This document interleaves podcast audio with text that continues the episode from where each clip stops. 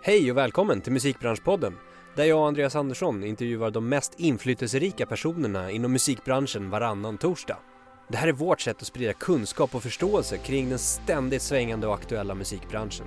I dagens avsnitt träffar jag Pelle Lidell som just nu har varit med och grundat och samt driver Echo Music Rights. Echo jobbar brett men med stort fokus på K-pop och mer om det här kommer vi in på i avsnittet. Pelle som har musiken i grunden där han började som trummis har gjort otroligt mycket under sin karriär. De senaste åren har det dock varit fokus på music publishing och att hitta och signa låtskrivare och producenter. Häng med och inspireras av Pelles alla mycket spännande stories. Välkommen!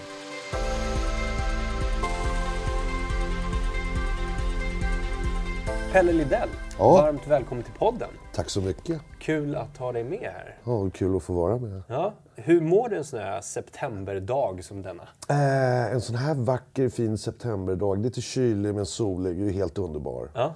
Och sen är det extra bra idag också för jag var på derby igår och fick eh, mitt lag då slå våra antagonister här från Södermalm. Ja, precis. Man kan nästan ana det kanske då vad det var för match. Ja, det var ju då AIK Hammarby. Ja, ja.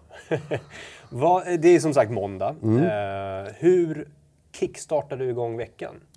Oj, eh, oftast är det ju då en stor skörd e-mail som har kommit in under helgen. Så första två timmarna är nog eh, enbart e-mail. Är det så? Alltså? Ja. Det är, det, är, mm, eh, det är väst, det är öst och det är Sverige. Ja, precis. För det är väl det. Jag tänker vi kommer ju komma in på det också, hur ni har er verksamhet utspridd ganska globalt. Och inte liksom Sverige, Norge, Danmark. Nej. Utan väldigt, Ja, jag, väldigt jag vet, vi har inte gjort det enkelt för oss. Nej, verkligen inte. Eh, men vi kommer in på det. Jag tänkte vi ska ju prata lite om vem du är och vad du har gjort lite så. Eh, och eh, även Echo Music Rights, vad det är för någonting i en verksamhet och lite musikbransch såklart. Eh, men men börja gärna nu. Vad, vad gör du nu för någonting? Det, det, vi har ju massa planer här och som vi försöker få till verklighet. Eh, och det är bland annat då ett studiokomplex här i Stockholm. Ja. Eh, mest för att samla vår eh, roster av låtskrivare och producenter under ett och samma tak. Och vi har då pratat med alla och eh, vi har fått en, en ganska klar bild att det är någonting de önskar. Och vi tror då att på det sättet kunna öka vår produktivitet och, och leverera eh, låtar och produktioner i den takt vi vill. Ja, Just, du, nu, just nu ligger vi väldigt efter. ja, precis. Du nämnde det när, här innan, nu, att Ja. det ligger lite efter. Att, Ja. Kan ni inte ta er an alla uppdrag? Eller? Nej, det, det, vi har ju fått tacka nej till uppdrag och det är aldrig bra. Nej. Eh, och sen är det väl liksom att du, du, du känner att du lever lite med, med, med kniven mot halsen. Alltså det är sena deadlines. Vi, om vi, det vill vi komma ifrån. Det blir enklare att ha, kunna ta ett steg tillbaka och reflektera. Var är vi nu? Hur ligger vi här? Etc. etc. Nu blir det mest, nästan att släcka bränder. Ja. Och det är inget bra sätt att arbeta på. Nej, verksamheten mår ju inte jättebra av det. Nej. Utan du behöver ju den, eh, på något sätt få ett helikopterperspektiv och inte bara gå in och släcka bränder. Men det är ju också, så- det är också ska vi säga, resultatet av att vi är, vi är ett BB-företag. Vi, Mm. vi, vi gick ju live 1 februari 17. Ja. Och vad vi räknar med att någon gång kommer vi hamna i, i den här skarven innan vi kan börja anställa eh, mer personal, eh, öka på produktiviteten, höja omsättningen etc. Mm. Eh, så det är ett angenämt problem. Det Ja, men exakt. Ja, men det är ändå ett problem. Det är ändå ett problem. Men det är väl de här trappstegen. Att Ja. man tar, tar upp första trappsteget och sen så behöver du liksom plana ut och, Och reflektera lista lite, Ut. ja. Men exakt. Men det här blir reflektera. nästan lite som catch-up-effekt. Vi har stått och skakat på den här flaskan ett tag så Ja. plötsligt kommer en jätteklump ut och så, Ja. så du måste ta hand om. Så har man tagit den. Ja. Ja. ja. ja, men hur många är ni nu då som jobbar? Alltså vi, det är, vi har, vi har, eh, här i Stockholm är det jag och eh, Robin Jensen, min kompanjon. Mm. Eh, jag ska gå in på lite senare vem han är. Mm, Och, så. Eh, och vi har precis öppnat upp i Berlin med en kille som heter Nick Kaffman. Som är en välkänd och, väldigt duktig A&R-exekutiv kille som har jobbat för eh, Warner, Cheyenne Records, eh, Universal Music. Han har varit musikansvarig för Popstars. Där han tidigare då har varit en eh, otroligt bra klient för mig. Alltså som A&R-person. Han har spelat in mycket, mycket av mina låtar genom åren. Ah, okay. Och jag tycker han är... Han har ett nätverk där borta. Alla känner till Nick, han har gott rykte. Eh, otroligt eh, duktig kille på, på alla sätt. Med, med gyllene öron som jag ville kalla det för. Ja. Han har riktigt bra popöron. Och det, var det, det är det ni söker lite grann också? Ja, framförallt om vi ska börja från noll i, i Tyskland som är en enorm marknad. Eh, det är inte så att vi har... Vi går in med x antal, eh, mång, mång, mång, mång miljoner, miljarder direkt och, och startar upp och hyr 20 personer från... Utan vi, vi kommer ju växa organiskt. Men då måste vi börja rätt med, med en, en ledare och en person som verkligen kan sin musik. Och det tycker jag att vi har i Nick. Grymt. Så vi startade upp i Los Angeles. Eh, med, där är vi fyra personer och vi är nio i, eh, i Seoul, i högkvarteret. Då. Okej. Där är vi nu. Sen här under närmsta halvåret då så räknar vi med att vi ska kunna eh, tillsätta en eller två tjänster hos oss. Här i Stockholm? Här i Stockholm. Då. Ja. Shit, spännande. Ja, ja, Riktigt ja, det är jättekul. Ja, ja. Men vi kommer in på det lite mer sen då i detalj som sagt. Men, men eh, för de som inte vet, vet vem du är Mm. eh, och var du kommer ifrån och vad du har gjort tidigare. Vi kom in på det Lite lite, här innan. Just när det gäller fotbollen och sen hur den hur musiken egentligen drog. Ja, eh, ja det var Så jag har en eh, uppväxt i uh, Råsunda, Solna och i Sumpan. Ja. I en musik och väldigt idrottsintresserad familj där min pappa då är, var för detta elitspelare i fotboll i, i AIK. Så jag blev, kan man väl säga, mer eller mindre infödd. ja, infödd inom föreningen där. Ja. Men han spelade också gitarr. Och eh, gillade att spela gitarr ofta hemma och sjunga och lira mycket tåb och jazz. Och, så att, och jag ville ju banka på saker redan tidigt så att, och det fattade han. Så att jag fick en virveltrumma när jag var sex. Men jag fick inte trumstockar till, jag fick vispar. så jag fick faktiskt börja lära mig att spela med vispar innan jag kunde slå en, en tvåslagsvirvel. liksom. Mer jazzbaserat. Ja. Ja. Och sen, ja, så där bara fortsatte det. Jag, jag köpte mycket skivor eh, och det finansierade jag genom att panta flaskor och burkar. Och, och på den tiden då, rakt över gatan från där jag bodde, fanns det ett Tempo. Och där inne stod en, en lång kille med långt hår och platådojor. Han såg ut som han kunde spela i Led Zeppelin och du vet, riktig så här rocker. Ja. Världens snällaste nallebjörn. Och så kommer den här lilla fimpen då, jag, och, och kommer in då och har skramlat ihop mina kronor och köpa en singel. Och tittar och, och gillar Ja, jag gillar också. Och så, så han, han blev ju min mentor kan man säga. Okej. Kenneth hette han. Ja. Och, och där började man ju samla på sig singelsamlingen och det var allt från The Sweet och Mark Bolan och Bowie och eh, Beatles och allt möjligt. Har du träffat Kenneth efter? Nej, jag har ju inte det. Bara, i- alltså, tempo lades ner där och det försvann och sen har jag aldrig sett honom. Nej.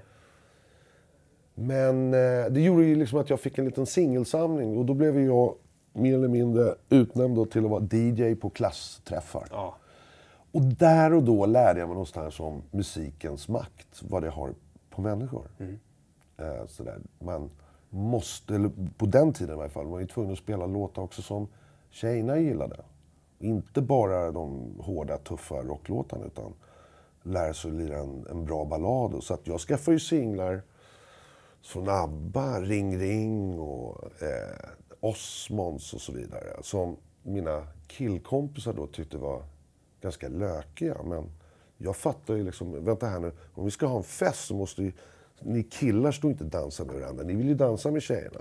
Och då måste ni också spela efter tjejernas regler, annars får ni inte dansa med dem. Och det här, det här blev ju en liten heureka för mig. Eh, sen började jag gå i ja, musikskola, spela trummor, lära mig läsa noter. Och, och sen var det väl i princip helt klart då att eh, jag skulle ha en fotbolls eller hockeykarriär. Jag var bättre i fotboll. Så, då, så jag var uppe i stadslaget och uttagningar till pojklandslag och allt sånt där. Sen kom punken. sen, var det, sen var det adjö till idrottskarriären. Det var, var, nej, det var jag, har, jag har nog aldrig upplevt... Jag tror att det är för eh, generationen under mig när de upptäckte hiphop. Mm. När hiphopen exploderade. Vad var det som liksom eh, triggade igång dig? Eller vad var det som... Det var, far, det var lite farligt och det var inte tillrättalagt. Det kändes som det var... Det kändes som punken talade till mig som 15-årig vilsen. Vad ska jag bli? Jag vet inte riktigt. Kraven från skolan. Vad ska jag plugga i gymnasiet? Du vet, allt sånt där. Mm. Eh, och det blev någon sorts långfinger till den vuxna generationen. Och Stockholm 77 var väldigt annorlunda än vad det är idag. Alltså en, en söndag, det var helt dött. Efter klockan sju en vardagskväll, det var ju dött. Ja. I och med att jag kunde spela trummor då så, så lärde jag känna en massa eh, punkare på Gamla Brogatan. Och, och så, samma det året, då, 77, kom ju så mycket band hit. Va? Ramones, Clash, Pistols, Ultravox. Eh, när de var punkband. Eh, det var helt fantastiskt. Det var ju en sån aha-upplevelse. Och, och, och, jag tänkte så här, om de kan göra det, jag, jag kan ju lira lika bra som dem. Ja. Tyckte jag. Och, och, där började det där, det här gör det själv-känslan då.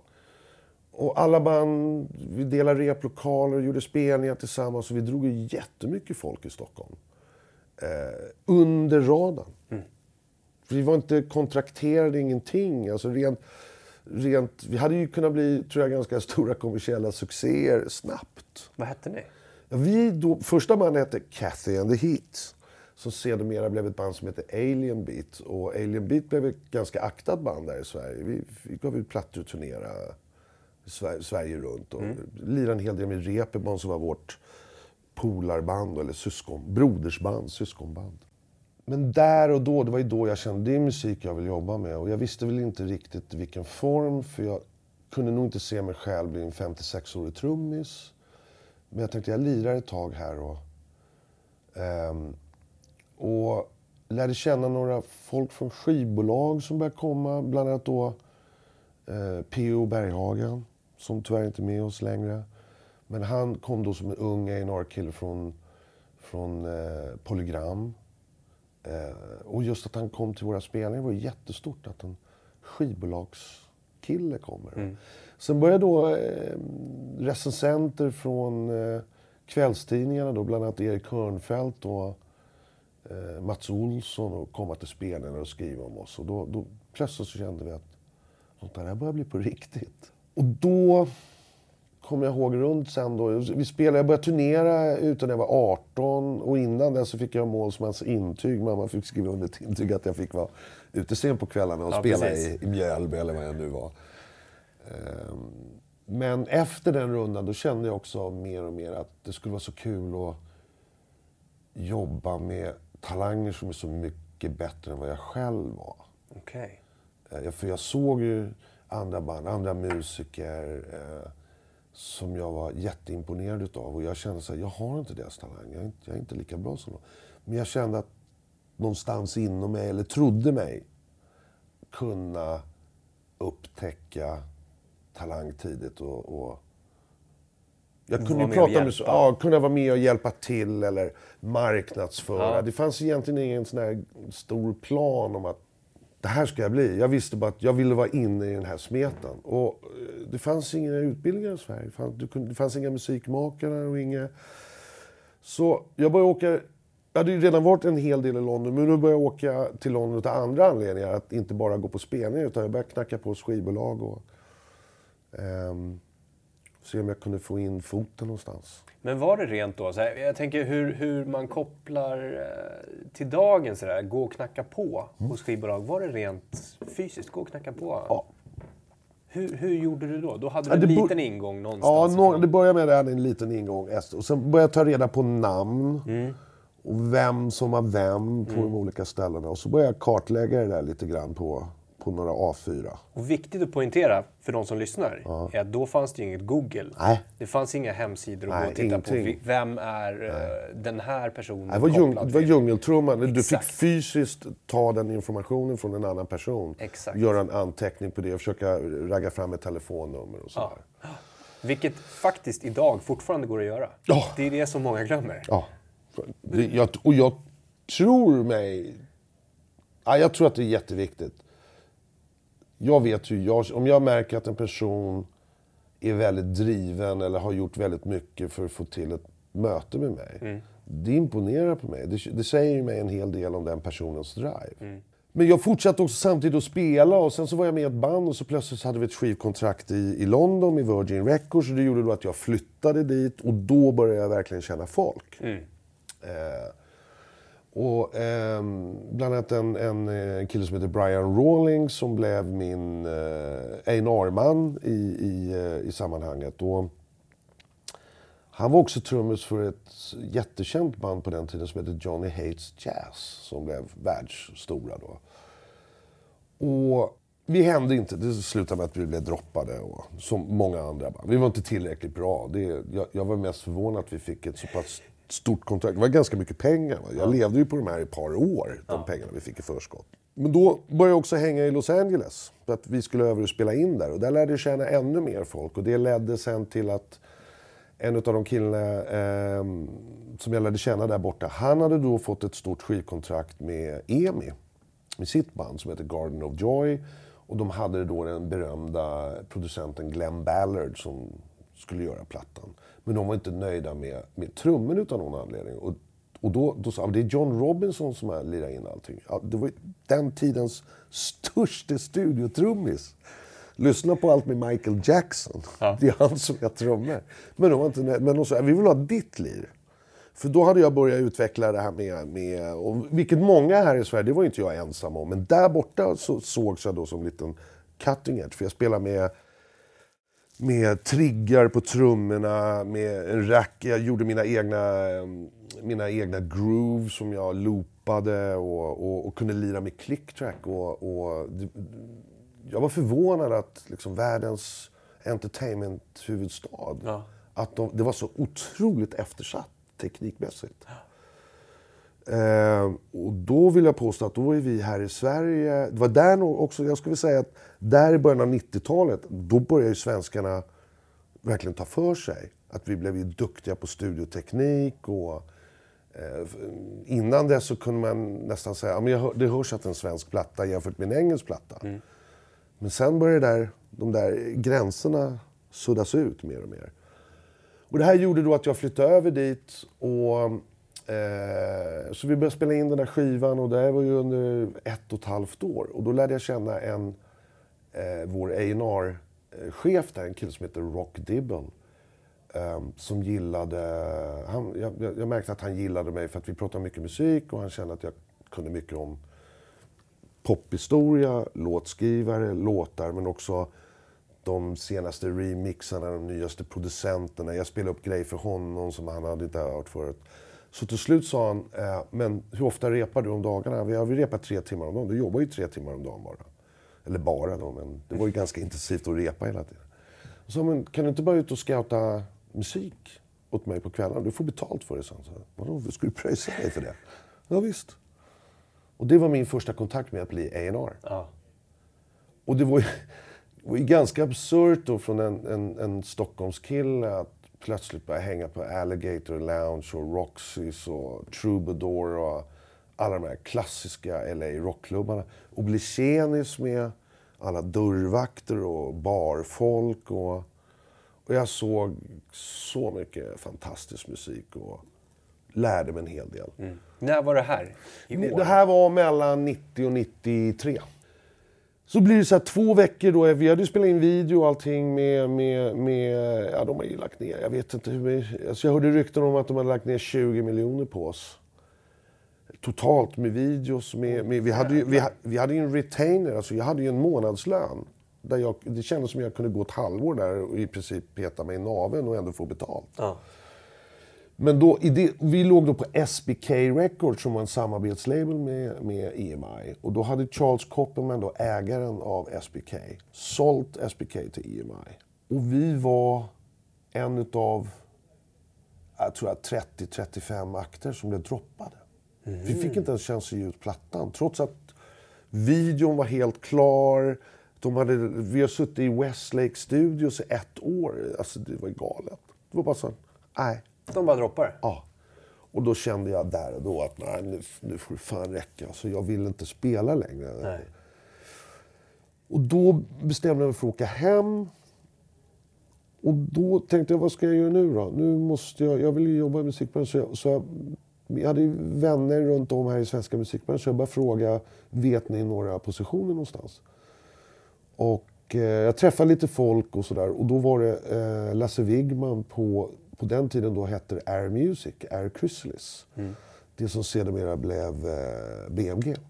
Och då kände han några av de här människorna. Jag hade lite tur då. Alltså, det var det var en sån här hög med, med, med ansökningar. Och så kände han lite folk då som jag hade som referenser där. Så han hade kollat upp och tydligen fått en bra rapport. Och den här Pelle, ja vi gillar honom jättemycket. Och så där. Så han erbjöd mig då en, en, eh, en där Rakt av bara? Ja. Ett med, jag kommer ihåg, jag var, eh, var- jag var där en torsdag och jag var skitnervös för jag ville verkligen ha det här jobbet. Jag hade tillräckligt mycket pengar med mig hem från LA för att klara mig ett halvår. Sen var det eh, allvar. Och på, så ringer han mig klockan sex på kvällen sen och säger, men vet du vad? Det här känns riktigt bra. Jag skulle bli glad om du börjar jobba hos oss. Och så, är det allvarligt? Jag kommer ihåg, jag bara, åh. Jag gjorde sån där tennis-swishar, du vet. Ja. Ehm, och jag sa, jag kan komma imorgon. Vi ville börja direkt. Nej, det räcker med om du kommer på måndag, han. Och där började det. Där lärde han mig enormt. Han gav mig stor frihet att signa. Eh, men framförallt så lärde han mig liksom grunden av vad är music publishing? Vad är, vad är musik? Vad, hur är det att vara en musikförläggare? Och vilka, vad krävs av dig? Och, och så vidare. Och så var det en väldigt, väldigt trevlig stämning där. Så Kommer var du ihåg i första, första signingarna du gjorde? Ja, bland de första var, var med och signade, det var Anders Bagge. Det var, eh, det var jäkligt kul, för då kom ju han också ut med sin hit med Jennifer Brown och han hade ju gjort Robin och... Så han var ju ganska het då. Jobbade med Peter Swartling mycket då på den tiden. Men sen då? Ja. Var du nöjd med att jobba liksom, som A&R och Ja, för Chrysalis var jag det. För att jag, de behandlade mig otroligt schysst. Och jag, jag blev ju vice VD där ganska snabbt. Och först head of A&R och vice VD. Och Lasse Wigman var... eh, Jag kan inte nog betona hur viktig han eh, var för min utveckling. Och framförallt att han gav mig fritt spelrum. Han nobbade aldrig en signing som jag ville göra. Och då kom Anders Bagge till mig och då hade han precis dragit igång eh, eh, ett företag som heter Merlin Music med Christian Wåhlberg. Och Christian Wåhlberg kom från eh, Pitch Control-gänget. Som gav ut Infinite Mass då bland annat. Och sen så var ju det, det, det, det stället i Sverige absolut nummer ett i hela Skandinavien när det gällde remixes och tolver och för di- serva DJs med det senaste. Och de låg nere på Gamla Brogatan. Och i princip var väl det en eh, Bagges... Bagge hade ju suttit nere hos Cheiron men bröt sig och ville starta sitt eget då, vilket blev Merlin. Och då ville de starta förlaget och dra igång det. Och då frågade de om jag ville komma in på det och bli delägare och bli VD för det. Och det var enda anledningen. Det var det enda som kunde dra mig ifrån eh, Chrysalis. För att under tiden när jag var där så hade jag fått erbjudanden både från London och New York. Och, och, på väldigt välbetalda, roliga, spännande jobb. Men jag hade ju flyttat tillbaks till Sverige för att jag trivs bra i Stockholm. Och det var också under den här perioden från 94 och framåt när svensk popmusik exploderade i exporten.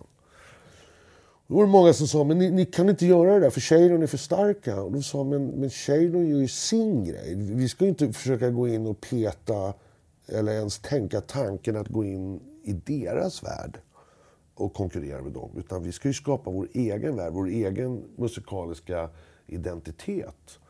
Och där vi vet att vi har talanger. Och, och, och Bagge och Arntur Birgersson var väldigt drivande där. Och in kom då unga låta, låtskrivare som Christian Karlsson som blev Bloodshy och Pontus Winberg som blev Avant. Båda de har ju gått fantastiskt bra för men talangen fanns ju redan där. Och eh, det slutade med att vi hade, vi byggde väl sex studios här i Stockholm. Vi hade access till tre till. två i Norge och tror jag en i Danmark som gick 24-7. Där vi All matade right. ut. Och vi fick ju fantastiska framgångar med Jennifer Lopez och Celine Dion och Britney Spears. Och, eh, det var en rolig period. Var med och bygga upp ett, ett, ett företag från noll. Med, med eh, bästa intentionerna och, och, och ibland kanske ganska naiva visioner. Men vi lyckades. Det, det, fan, vi fick iväg musiken. Och det var helt absurt att ha de här världsstjärnorna komma in eh, i Villa Ventorp i Ulriksdal i Solna och hälsa på. Jaha, här kommer Tommy Motola, världschef från Sony. Hej! ja, men du vet. Och ena stunden när jag står och ringer min mamma, bredvid mig står Ricky Martin och kokar barfota eh, och kokar kubansk kaffe och sa vill du ha lite Pelle? Så, jag, yes please, tack. Och ringer, mamma du som är Ricky Martin-fan, hoppa in i en taxi. Jag, jag skickar hem en taxi, jag hämtar upp dig så kommer du över hit. För att hälsa på Ricky. Och hon, hon nej jag vågar inte. Det var en otroligt rolig tid. Eh, också just för att svensk musikexport exploderade. Vi fick jättemycket beröm utav, utav storheter i Billboard, då, som Dog Morris då, som var världschef för Universal till exempel. Och vi inledde ett samarbete med, med Universal Publishing Worldwide. Men min relation med Christian Wåhlberg var inte den allra bästa. Vi var oense om mycket. Och utan att gå in på detaljer så, så kändes det inte bra. Nej.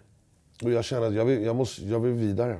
Så jag behöll mina, mitt, min, min, eh, min aktiepost i bolaget men jag klev av som VD. Och så tänkte jag, nu måste jag fundera lite på vad ska jag göra. Men jag hann inte fundera så länge för att jag tror att fem timmar senare så ringer Paul Connolly som var Europachef för Universal Publishing och frågar, kan inte du göra för oss vad du gjorde med Merlin? Alltså jobba med låtskrivare, producenter främst. Inte att signa band eller artister. Och då sa han, du får bygga upp det här efter eget huvud. Och jag sa, kanon, precis det jag vill göra.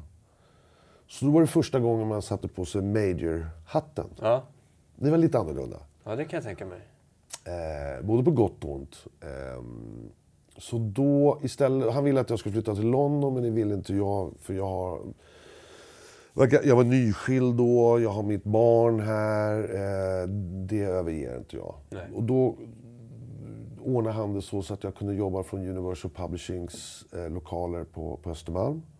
Och så pendlade jag dit någon gång i månaden. Annars funkar ju allt med Ja. mobiler och dator och telefon. Kanon. Du, Ja. Det här är ju ganska, inte nyligen, men, men nu snackar vi ändå... 2005 började jag då. Ja. Så det är 13 år sedan. Och då tänkte jag ge det här ett par, tre år. Ja, Det var, det, det var så roligt och det gick, det gick väldans bra. Eh, så att det blev ju 11 år totalt där. Så jag, jag signade ju om ett par, oftast när du gör ett A&R-avtal så är det tre år. Och det var en kul period och jobba med mycket eh, nya låtskrivare som jag signade. Och vi hade, jag kommer ihåg 2005 och 2006, då hade jag finallåtarna i American Idols två år i rad. Det tror jag ingen annan förläggare har gjort. Men jag tänker på det här som, som du nämnde nu, så sa du ja, men jag ger det så här många år. Ja. Redan när du alltså, var nere på bandnivån Ja. så sa du ja, men jag ger det några år. Jag ger några år. Men sen så har det blivit lite fler år och sen har du lyckats på något sätt inom varje grej som du ändå har tagit dig an. Ja, men, så, jag, jag brukar väl vara så här, de som känner mig vet att om jag, om jag gör någonting då, går, då är jag all in. Ja. Jag ger mig inte förrän jag har gjort det. Annars gör jag det inte alls. Så att jag, jag måste känna mig säker på. Och, och, och då, om, jag, om jag tror att ja, men jag tror att jag kan göra det här på tre år. Och skulle det ta fyra år, ja, då får det väl ta fyra år. Men faktum är att det var så roligt och, och, jag kände att jag fick jättefint gehör. Både från mina kollegor runt om i världen som jag jobbade med och naturligtvis de viktigaste utav dem alla. De låtskrivare jag representerar och jobbar med deras ord är, är lag för mig. Det, det, jag brukar förklara för unga låtskrivare som tror att det är de som jobbar för mig. Ja. Men det är, det är så inte alls. Det är jag som jobbar för dem. Ja, exakt. Ja. Men kan det vara något positivt med det här då? Att man, man istället för att man bara, ja men jag kör på. Utan Mm. man säger, jag ger det så här lång tid. För att man går in till 100% då och ger verkligen järnet under den perioden. Vilket resulterar i att för mig funkar Jag vet inte om det är ett generalkoncept för andra människor, men jag, om jag ger mig hän åt någonting, då, då vill jag ge det oftast en, en, ett, ett tidsperspektiv någonstans. Här. Mm. Nu, nu kör jag, nu, nu ska jag fokusera på det här. Det kanske kan vara ett jättebra tips att prova på. Att säga, Ja. men, nu ger jag det här ett år, två år, tre år, Ja. fem år. Och, och, och se hur mycket liksom, man lägger ner på det Ja. verkligen. Ja, alltså, jag, tror att, jag tror att jag alltid varit så här driven lite från min barndom. Då, när, min pappa dog när jag var tio och det, det, det var ett hårt slag för mig. Det, det har jag nog aldrig kommit över, om jag ska vara ärlig. Och jag var avundsjuk på, på, på ett hälsosamt sätt, vill jag påstå. Men avundsjuk på mina kompisar som hade, alla sina, som hade båda sina föräldrar. Och, och jag hade inte liksom sam, lika först. Men jag hade en ensamstående mamma som inte alltid hade det så lätt eh, ekonomiskt. Men hon kämpade ju på för mig och såg till att det, det stod mat på bordet, det var rent och fräscht hemma. Och jag saknade egentligen ingenting. Men jag fick ta hand om mig själv ganska tidigt. Jag fick lära mig att ta ansvar tidigt. Och jag tror att det här, min pappas bortgång, gav mig en, en jävla drive. Bara. Att okej, jag, jag inte den personen som kommer att kanske lyckas i mitt liv genom att, att i universitetet eller gå på KTH som hälften av, eller som en del utav eh, min släkt och min, mor- mina morbröder och, och sådär har gjort. Det, är- det är inte jag. jag. Jag är kreativ. Jag, är inte, jag kan ju knappt borra hål i en vägg. Och det gav mig driven. Jag tror att det gav mig driven att jag, det här ska jag göra. Varför ska man inte kunna göra det här? Jag kommer ihåg när vi startade Merlin så fick jag höra från alla håll. Ah, men det går inte att göra det här. Cheiron är för bra. De är för, de är för dominerande. Jag sa, ja, men visst är de det. Men vi ska ju inte göra det som... Var, var, ska det bara finnas ett produktionsteam som de gör? De, de har ju i princip satt mallen det här med att ha flera studios under ett komplex och en, en kan man säga, creative director då som, som Dagge var en gång i tiden. Och han hittade ju då, hittade då eh, Martin Sandberg och titta vad Martin är idag. Eh, Vi vill göra samma sak. Vi kopierade konceptet men inte deras musik. Det, det, vi, att ens tänka tanken att vi skulle göra någonting som de gjorde så hade ju vi blivit frånåkta direkt. Men när vi gjorde musiken med vår egen identitet då skapar vi någonting helt nytt. Och jag tycker till exempel att eh, Play med, med, med mm, Jennifer Lopez är ett typexempel på det. Toxic med Britney Spears och Piece of Me med, med Britney Spears också. Det är lite genomgående låter det som, det här med att inte kopiera eller ta någonting utan alltså göra en, en ny grej, en egen grej. absolut. Men Var det samma sak med Echo nu? Alltså ja, tänker, ja, eh, det är det. Absolut. Visst är det det. Eh, alltså det var ju som med Echo. Det började ju med att 2007 när jag var på Universal så, så har, får jag ett möte med en kille som heter Chris Lee. Och han är då jobbar för en... Jag visste redan om vem den här mannen var. Han heter Suman Lee. Som är eh, en koreansk eh, entreprenör, mångmiljardär. Mannen bakom K-pop. Men jag visste ingenting om vad K-pop Jag visste bara K-pop. Liksom, Vad fan är det? Då träffade jag den här Chris och då förklarar han vi, vi behöver låtar. Vi har, alltså, vi har jättestora akter som säljer så här mycket. Men vi, har, vi, vill, ha, vi vill ha bästa materialet. Och då... Och jag gillade hela det här mötet jag hade med honom. Han kändes otroligt intelligent och påläst. Och, så vi, vi började samarbeta och, då, och de första låtarna han spelade in för mig fick jag en miljonförsäljning i retur. Vilket gör ju mina upphovsmän jätteglada naturligtvis. De får hits. Och sen var det inte svårare än att sätta sig ner med en miniräknare för se vad, vad är mina marginaler? Vad är, min, vad är förlagets marginaler, upphovsmännens marginaler på antal sålda här? Eh, och då var jag tvungen att fråga mig själv, varför håller jag på och jagar inspelningar i Tyskland och England för? Det här är ju så mycket större. Men, då är det så här att precis som i England, inte så mycket i USA, men precis i England och framförallt här i Sverige så finns det någon sorts, eh, jag vet inte, dumdryg skulle jag kalla den för, attityd mot musik eller artisteri från österut. Det ses inte som lika viktigt eller, eller kvalitetsmässigt godkänt som när vi gör det här i Sverige. Vilket jag tycker är ett jävligt förmätet sätt att, att se på musik. För att, får inte glömma bort att innan 94, vem brydde sig om svensk musik internationellt då? Då var ju vi de som kämpade för att visa, kolla vilken talang vi har här i Sverige. För att få ut den. Nu är det koreanerna som gör det. Och de kommer till oss. Jag, jag tyckte då, så här, jag är en idiot om inte jag, hjälp, om inte jag tittar på möjligheten att bygga eh, relationer med dem och få igång en, en affärsverksamhet som gynnar mina upphovsmän. Mm. Därmed inte sagt att skit i England eller, eller UK från och med nu. Jag sa bara, lägg på en, en extra färg på paletten mm. och du blir en mer global writer. Du har, du har eh, inkomstströmmar från både väst och öst.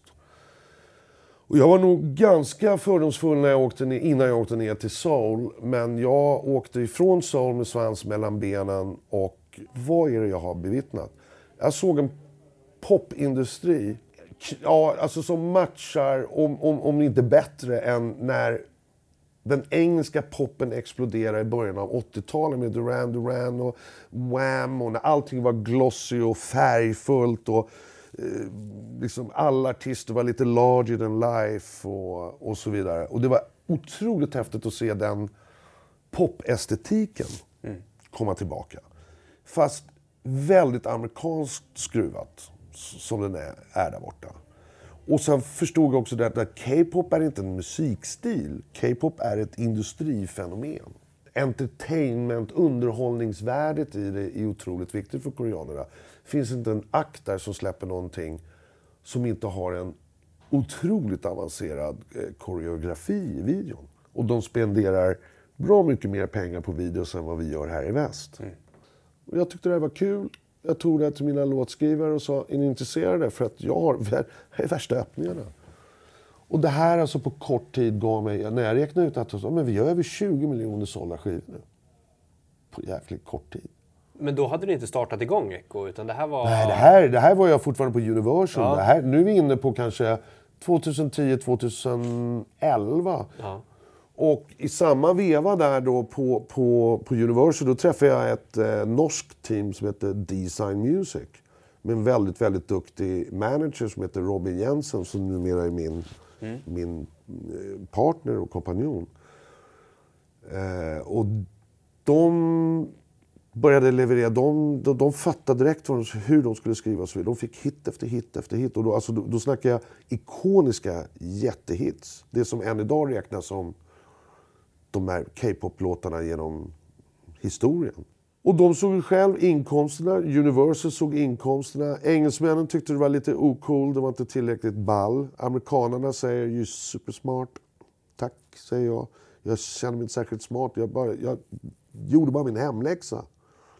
Ni betalar ju mig för att jag ska hitta marknader, att skapa möjligheter. Det ja. ingår i min jobbeskrivning. Ja. Och det här ledde ju fram då, vi hade, jag hade ju hits från 2008 varje år, bara pang, pang, största hitsen. Och vi började göra eh, writing camps tillsammans med The Kennel i Solna. Mm. Och jag signade in Kennel till Universal då just för att jag visste att de var väldigt starka på, på den asiatiska sidan. Och då fick vi över SMs eh, artist och repertoarchefer, de flög över till Stockholm och var med medan låtarna kreerades i de olika inspelningsstudiorna. Då kunde vi vara 30 man samtidigt, åtta studios. Och sen lirade vi upp alla låtar i slutet av den här veckan och så hade vi en liten fest på det. Och sen satt låtarna därefter. Pangsingel, singel, album, album, singel. Så det, det var ju värt varenda krona att investera i det. Mm.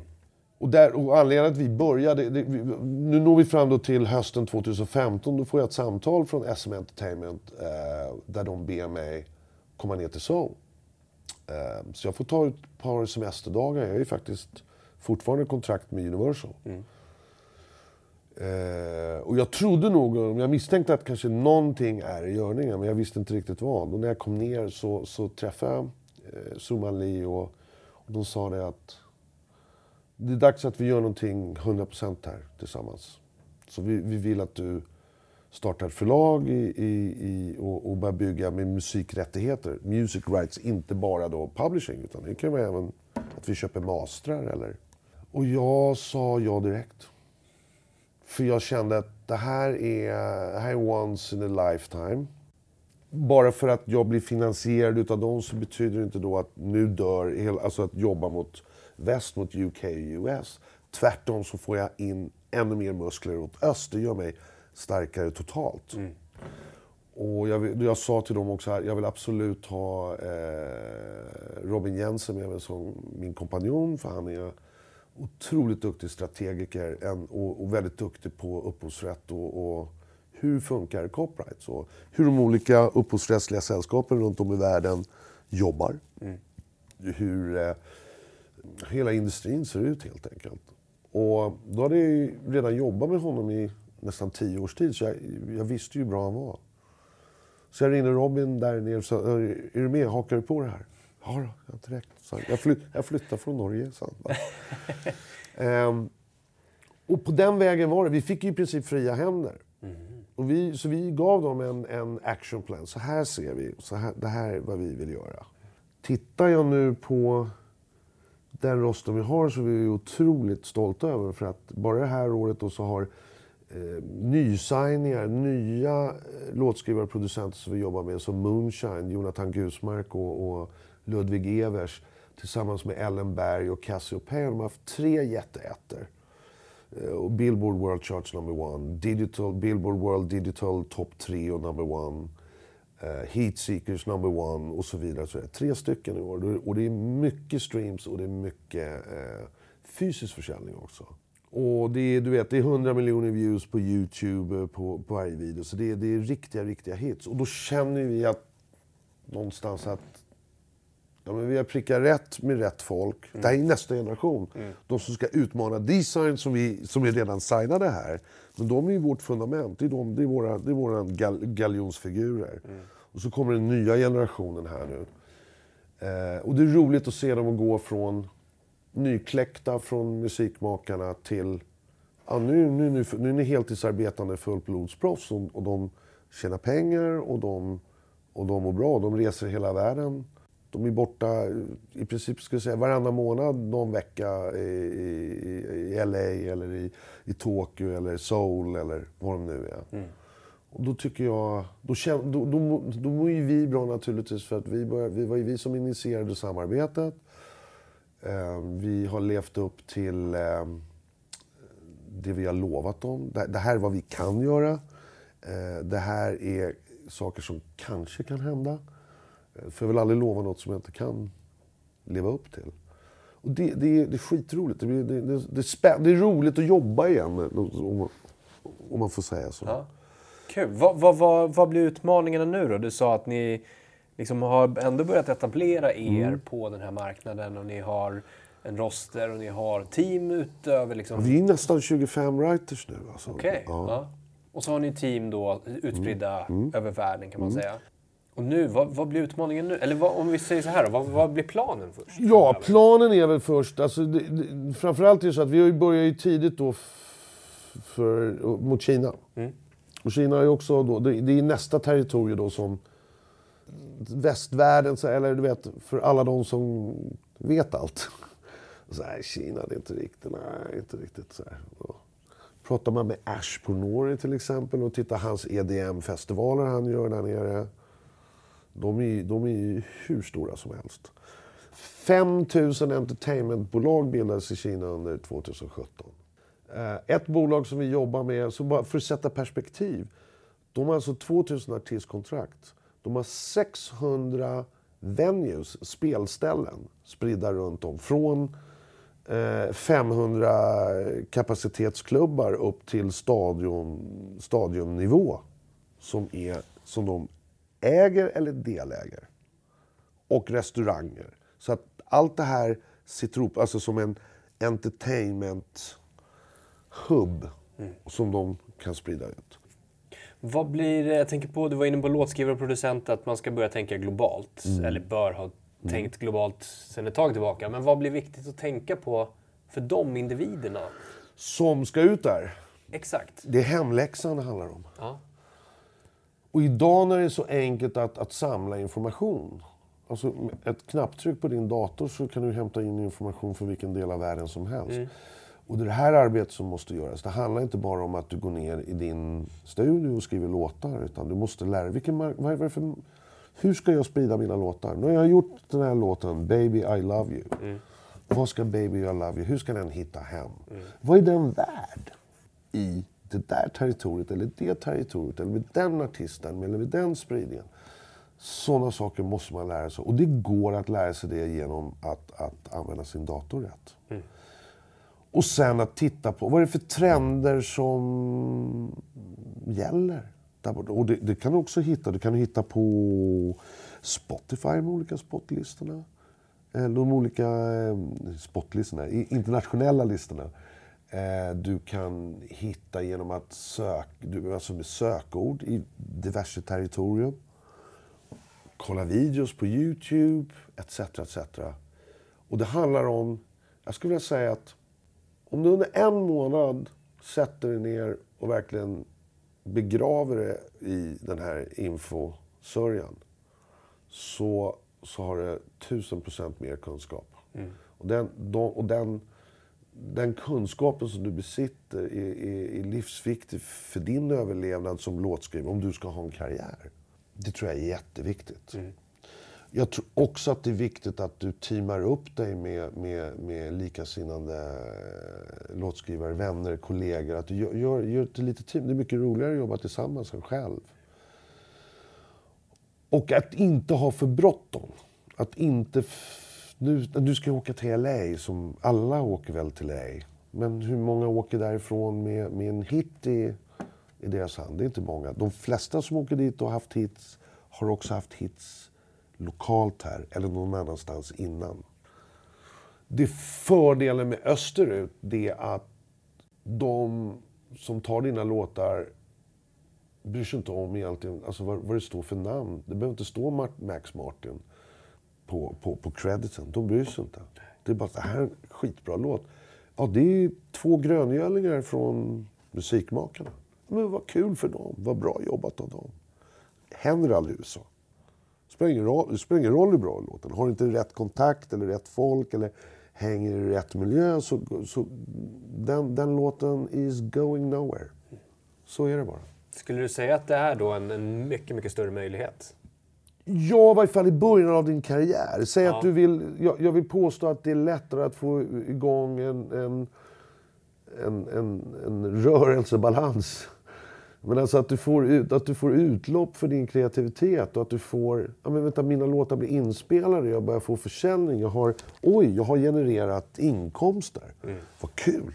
Nu känner jag så här, nu är jag jättesugen att skriva åt artist X eller Y i USA eller England. Men det ger dig din, din start. Eller så kan du ju välja att fortsätta jobba där. Jag säger bara det att istället för att jobba med en hand hela tiden så har du plötsligt två händer att jobba med. Och inte bråttom. Och inte bråttom. Och sen framförallt, gör ingenting som du redan har sett eller hört på Youtube eller på Spotify. Du kan bli influerad utav det, men twista till det. Gå, gå alltid vänster om mitten. Försök inte att bli tillrättalagd. Då har du ingen långvarig... Alltså alla de som jag jobbar med har, som, som har framgång har gjort någonting annorlunda. Det är de låtarna som har blivit de största hitsen. Vad kommer bli viktigt för er nu då, tänka? Vad blir utmaningen för Echo framöver? Det är flera grejer. Vi, vi, vi, vill då, vi vill hitta rätt person i London till att börja med. Hitta ett team på kanske ett till tre personer att börja med. Så vi, vi är ju små jämfört med alla de här med, med jättarna. Leveransnivån till eh, våra uppdragsgivare i, som vi har runt om i, vardag, i världen, främst nu i Kina. Vi, vi pratar ju hundratals låtar om året vi måste leverera. Och vi får, vi får ju toppbetalt för det, så att det, det är viktigt att vi levererar toppmaterial. Och för varje låt som blir inspelad så krävs nog fyra, fem låtar som har skrivits för att hitta fram till den. Så det är, det är mycket, mycket, mycket låtar som behöver skrivas. Men vi tror väl då att om vi får igång vår eh, studioverksamhet så, så då kommer vi lyckas med det, utan tvekan. För att vi vet exakt musikaliskt vad vi behöver vara. Vi vet hur vi ska göra affärerna. Vi vet att det tar lite tid med kineserna. Det är, det är mycket pappersarbete. Mer än om vi hade gjort ett avtal i England eller Tyskland. Men det är på grund av de kinesiska myndigheterna, in, in, inte på grund av bolaget. Du ska ju få en, eh, en fråga från föregående gäst. Ja. Från eh, Per Almqvist från Tracklib. Ja. Om du skulle då göra en låt nu Mm. och skulle sampla en låt in i den låten, Mm. vilken skulle det vara? Jag, jag, jag skulle vilja göra en, alltså en old school hiphop-låt i ny form. Fast med gitarriffet från God Save the Queen med Sex Pistols. Okej. För jag har alltid tyckt att det har varit så jävla bra. Det är sån, sån här rakt in i fejan på det. Och, den, och den det är hookigt som fan. Och om man kuttar upp det Ja. så tror jag att det skulle bli otroligt häftigt med, med, med ett bra hiphop-beat. Med dunk, dunk, dunk, dunk, dunk, dunk. Du vet, Ja. old school hiphop. Tror jag skulle funka bra. Mäktigt. Jag ser fram emot att höra den. Alltså. Om du får ställa en fråga till nästa gäst nu också. Mm. Vad skulle du ställa? En fråga jag själv har fått en gång som jag tyckte var spännande. Det är så här, om du fick spendera en hel dag i studion eh, med din favoritlåtskrivare eller artist. Vem skulle det vara? Pelle, Mm. jättetack för schysst samtal. Tack, det är jag som ska tacka. Det var, det var kul att, att få dela med sig lite av av kaoset som pågår här. Exakt, vi ska följa med spänning. Tack så mycket.